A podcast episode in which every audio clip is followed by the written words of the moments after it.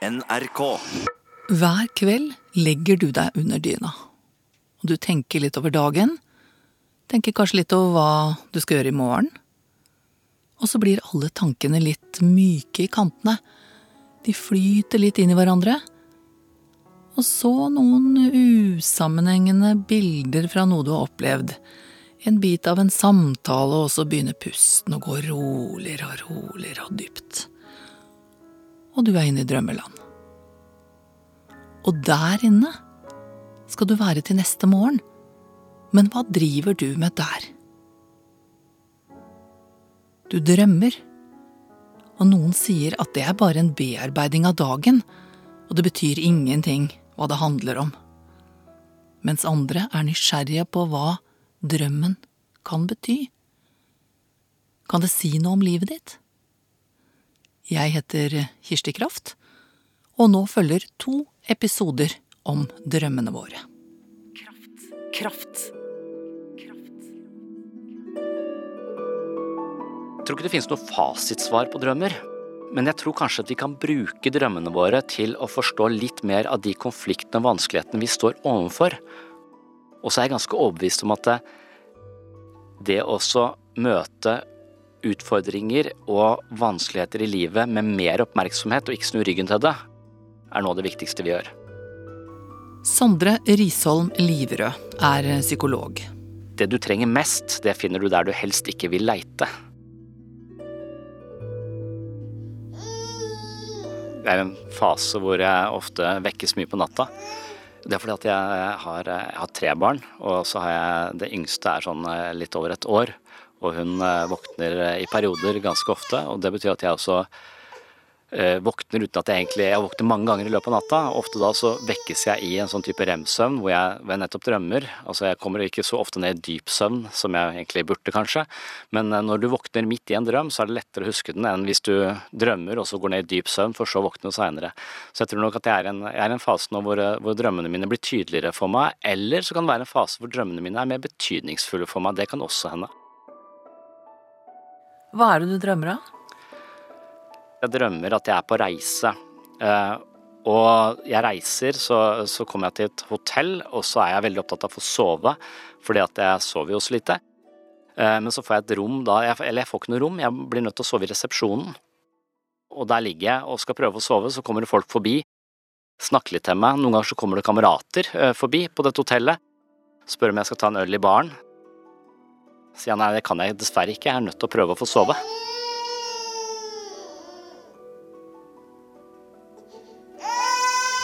Så skjønner jeg etter hvert at det er helt umulig å sove i resepsjonen her, så jeg går bort, i, går bort for å be om et nytt rom, men det er så lang kø at jeg kommer ikke fram.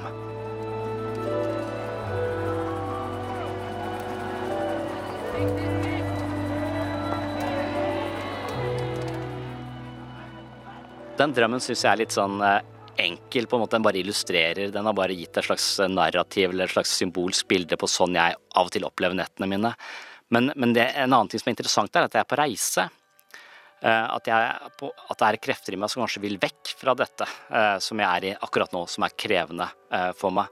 Og her dukker barna mine opp i, i drømmene mine. og når jeg er på denne reisen, så er jeg også i en by som er ukjent. Et sted Jeg føler det er et sted i Østen. Eh, det er i hvert fall litt sånn mystisk, eh, og det er en kjempediger by. Og jeg kjenner ikke byen, og jeg har med meg både dattera mi og sønnen min, som er eh, fem og åtte, åtte år da. Og så plutselig blir sønnen min borte. Og så blir jeg sånn helt sånn febrilsk. Hvor er han hen? Altså jeg bare leter febrilsk rundt i denne byen for å finne han, men finner han ikke. Dattera mi er ved min side hele tiden, så hun, hun blir ikke borte. Og til slutt så gir jeg opp. Så tenker jeg at ja ja, men da skulle han vokse opp i en annen familie. Den følelsen av å på en måte gi det opp, er også noe, sånn, eh, noe veldig vondt med. Altså, jeg gir jo ikke opp barna mine.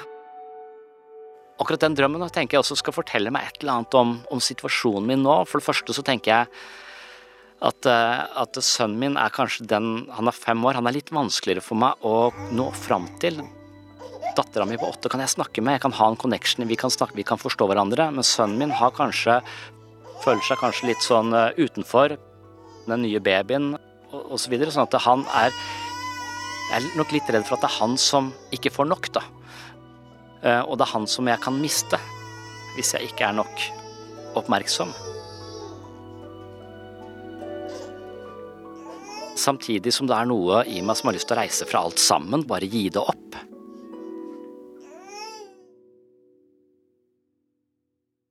Når jeg drømte disse tingene, så tenker jeg det Drømmen skal også kanskje fortelle oss noe om de sidene ved oss selv som ikke er så begeistra for, syns er vanskelige og, eh, og, vonde, og den der erkjennelsen av at det, er krefter i meg som bare vil vekk fra alt ansvar og alt som har med bleieskift og barn og leking og fotball og håndballtrening og alt det der der. Det er noen sånne krefter i meg som ønsker å prioritere meg selv fremfor andre.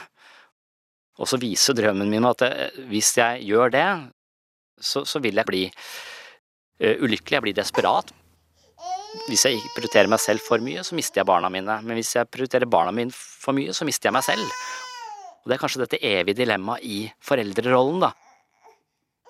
Når jeg har drømt dette, og så kom til å lese Hans og Grete for barna mine, og det syns jeg er et merkelig eventyr, for der er det jo en mor og en far som lever under ganske vanskelige kår, og så, og så sier hun moren, eller stemoren, vet du hva, vi er nødt til å bare kvitte oss med barna, for ellers overlever vi ikke, vi må ta hensyn til oss selv, vi, ingen overlever her hvis ikke vi setter barna ut i skogen. Og så gjør de det, da, de setter barna ut, uh, ut i skogen for å prioritere egne uh, behov. Faren blir da utrolig lei seg og miserabel etter at barna da har forsvunnet ut og sannsynligvis da bor hos en heks i et eh, hus lagd av godteri. Barna ut i livet, og de klarer seg mot denne heksen og alt dette strabaset. Så kommer de tilbake med masse gull, og faren blir lykkelig. Så på en måte kanskje det eventyret forteller meg at eh, du må gi barna dine litt slipp òg. Du er kanskje litt sånn overkontrollerende. Du ønsker å ha kontroll på alt og er livredd for at skal, de skal bli, bli, borte. Samtidig så har du dette ønsket i deg selv om at ja, men du må også leve et liv. Du kan ikke på en måte forsvinne inn i, i foreldrerollen. og det er kanskje denne moren i Hans og Grete da, som sier at vi må prioritere oss selv, ikke bare, bare barna. Så på sett og vis så plutselig så ble Hans og Grete et sånt eventyr jeg forsto litt mer, da. Jeg følte at både moren og faren i, i, dette, i Hans og Grete er i meg. Det er et, en del av meg som ønsker å prioritere meg selv, og det er en del av meg som er veldig opptatt av å gi barna det beste. Og disse, disse to kreftene er ofte i konflikt. Og det følte jeg kanskje at denne drømmen fortalte meg, og så forteller meg kanskje at jeg vær litt mer oppmerksom nå på han i midten, fordi at han står i fare for å forsvinne i en stor by, som er bare da et symbol på at han trenger litt mer nå. Det er helt utrolig hvor brutal drømmen er. Det er ikke noe sånn inn med teskjebudskap. Det er ikke å ta hensyn. Sånn som en terapeut ville tenkt. Jeg får si det litt pent, eh, gå litt sakte fram. La deg fordøye noen små biter av sannheten om gangen. Antyde? Nei. Kjør på, sier drømmen, med de mest grusomme bildene. Miste barnet sitt i en stor by, lete, fortvila, kaldsvette, panikk. Og så gi opp. Det er dog det verste.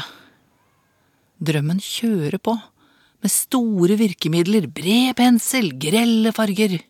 Drømmer eh, er vesentlig. De er der for å fortelle oss noe som ikke helt er artikulert i livet vårt. Det er en slags innsikt som ligger litt i periferien av hva vi klarer helt å ta inn over oss, eller kanskje det er en del litt ubehagelige erkjennelser som vi ikke orker å ta inn over oss, men som likevel da dukker opp i drømmen for å si at hm, dere er nødt til å ta hensyn til dette her for å justere kursen i livet, i livet ditt. Nå har jeg tre barn, da, så når, fått, eh, når, vi har fått et nytt barn, så har jeg den samme drømmen om at jeg holder henne. Altså, hun skal jo bæres, men jeg har ikke krefter, så musklene mine eh, svikter. Så jeg klarer rett og slett ikke å, å løfte henne. Som sannsynligvis også er en slags symbol på at eh, dette syns du er litt vanskelig, dette er utfordrende for deg, du er usikker på om du faktisk har om du er sterk nok til å løfte dette lille barnet, eller har du nok omsorgsevne, er vel kanskje den det er drømmen. Eh, den frykten som er i meg, som drømmen også da eh, viser meg, kanskje på sett og vis bearbeider ved å løfte den opp i lyset. Den gir den bare et bilde, den gir den et, den gir den et veldig konkret bilde. Da. Du har ikke krefter nok i armene dine til å holde babyen oppe, så du er i ferd med å miste babyen i gulvet.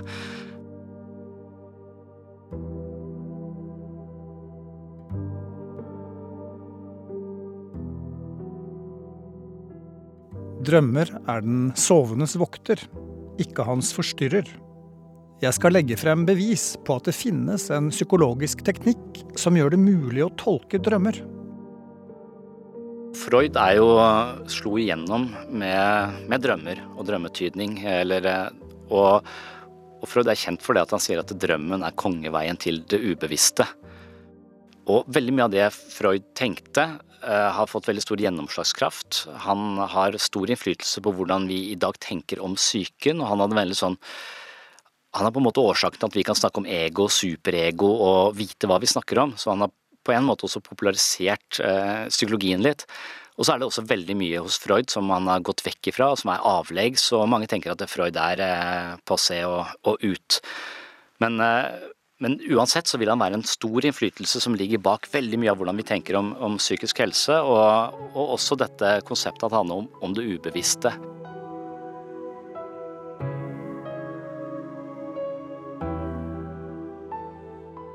En del av det som, eh, som, er arven etter Freud, er denne ideen om at vi har veldig mye av det vi tenker, føler og foretaler oss i løpet av en dag, er styrt av ubevisste eh, krefter. Det er rett og slett ting som er utenfor vår oppmerksomhet. Da. Så drømmen er kanskje viktig fordi at den kan fortelle oss noe om hva som foregår der nede, ifølge Freud. da.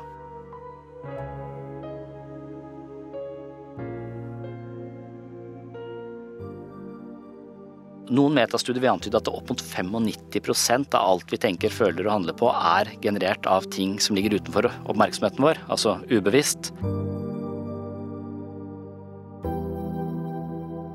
Han ville at folk skulle gjenfortelle drømmene, og så, ville han kanskje ha ulike aspekter ved det. Hva tenker du selv om drømmen? Så det er også en sånn viktig ting. Altså bruke tid på å forstå uh, sitt eget indre uh, liv hvis det er signaler der og informasjon der som du bør ta hensyn til.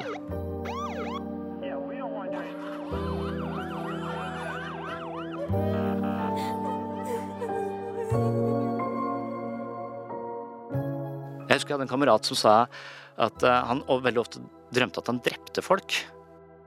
Og, og dette er en mild og utrolig sympatisk og, og, hyggelig person, så man må ikke tenke at ja, du er nok et, en, en tikkende bombe, deg skal vi passe oss for.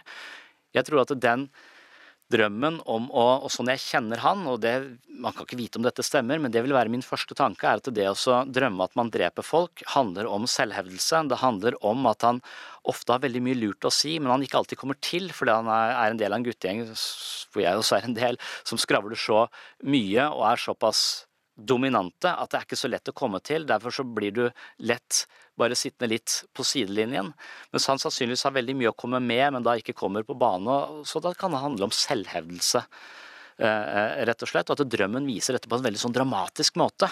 Lager en narrativ som du skal forstå at det her er det viktige krefter i deg som ikke kommer, eh, kommer ut. Han prøvde å drepe folk, men han klarte det ikke. Drømmen er et symbol på noe som er viktig i livet ditt. Mens Freud eh, tenkte veldig mye at, at drømmene, eller at det ubevisste, var et slags reservoar av eh, impulser og begjær og utemma eh, følelser. Så skilte Jung seg fra Freud ved at han mente at det ubevisste også inneholdt veldig mye klokskap i forkledd form. At mennesket, vi har en del av vår overlevelse, ligger i eh, fortellingene våre. Altså mens en fugl har alt det trenger for å overleve koda inn i DNA-et sitt, så har mennesker eh, alt det vi trenger eh, for å leve koda inn i mytologien vår.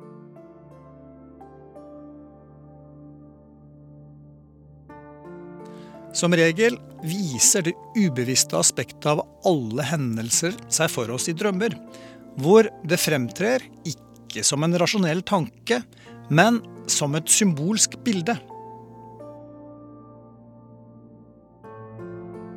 Mytologien er en slags følgesvenn til livet, som kan, eh, som kan vise oss hvordan folk har levd før, og hvordan folk har taklet ting som vi kommer til å komme opp i eh, tidligere, så vi ikke er helt alene om å takle det på nytt og på nytt. Da. Så det ligger veldig mye, eh, mye, kunnskap der hvis vi lærer å lytte. Men, mens Jung da mente at vi kunne lytte til oss selv på samme måte, at drømmene hadde en, en lignende betydning. Og han sier at i ethvert menneske så har du ulike arketyper. Du har f.eks. en kriger eh, som handler om selvhevelse, det handler om å ha spisse albuer.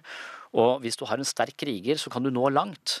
Men en sterk kriger kan også bli ganske ensom. Så hvis ikke den sterke krigeren på en måte balanseres av en alturist eller en, et lite barn eller en som er mer medfølende og nysgjerrig, så, så vil du bli en eh, skarp finansmann med masse penger, men med dårlige relasjoner, f.eks. Så, eh, så det, han, han, mente at alle mennesker har potensialer i seg eh, som de kan utvikle ved å stimulere de, og det, det kalte han arketyper. Så alle hadde disse arketypene i seg, men noen hadde en skjev fordeling, de hadde bare en kriger. Det på en måte skaper en ubalanse eh, i livet. De bildene drømmene frembringer, er langt mer pittoreske og livlige enn de begrepene og opplevelsene som er deres våkne motstykker. En av grunnene til dette er at slike begreper i drømme kan uttrykke sin ubevisste mening. Det, det, tror jeg nettopp han vil si, at, at, drømmen sier noe om balansen i bevisstheten din. At, at det kommer signal der om at nå eh, må du være litt obs på eh, forholdet mellom eh, prioritere egne behov og forholdet mellom å være oppmerksom på barna dine. Hvis du, ikke, hvis du prioriterer deg selv nå for høyt, så mister du barna dine, og da viser drømmen deg også den følelsen du får.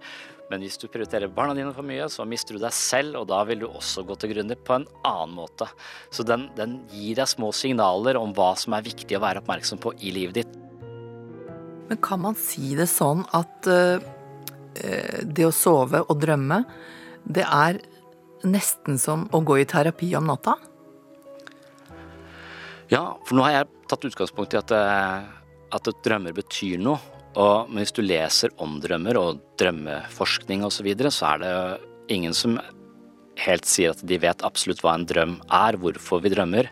Så det er så mange forskjellige forklaringer på det. Noen mener at drøm bare er mentalt støy, mens eh, en ganske sånn fremtredende teori sier at drømmen handler om å trene på livet, da.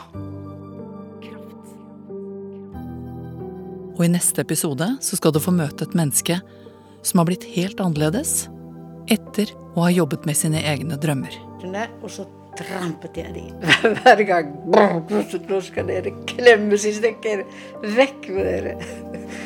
Og de forsvant til slutt, da.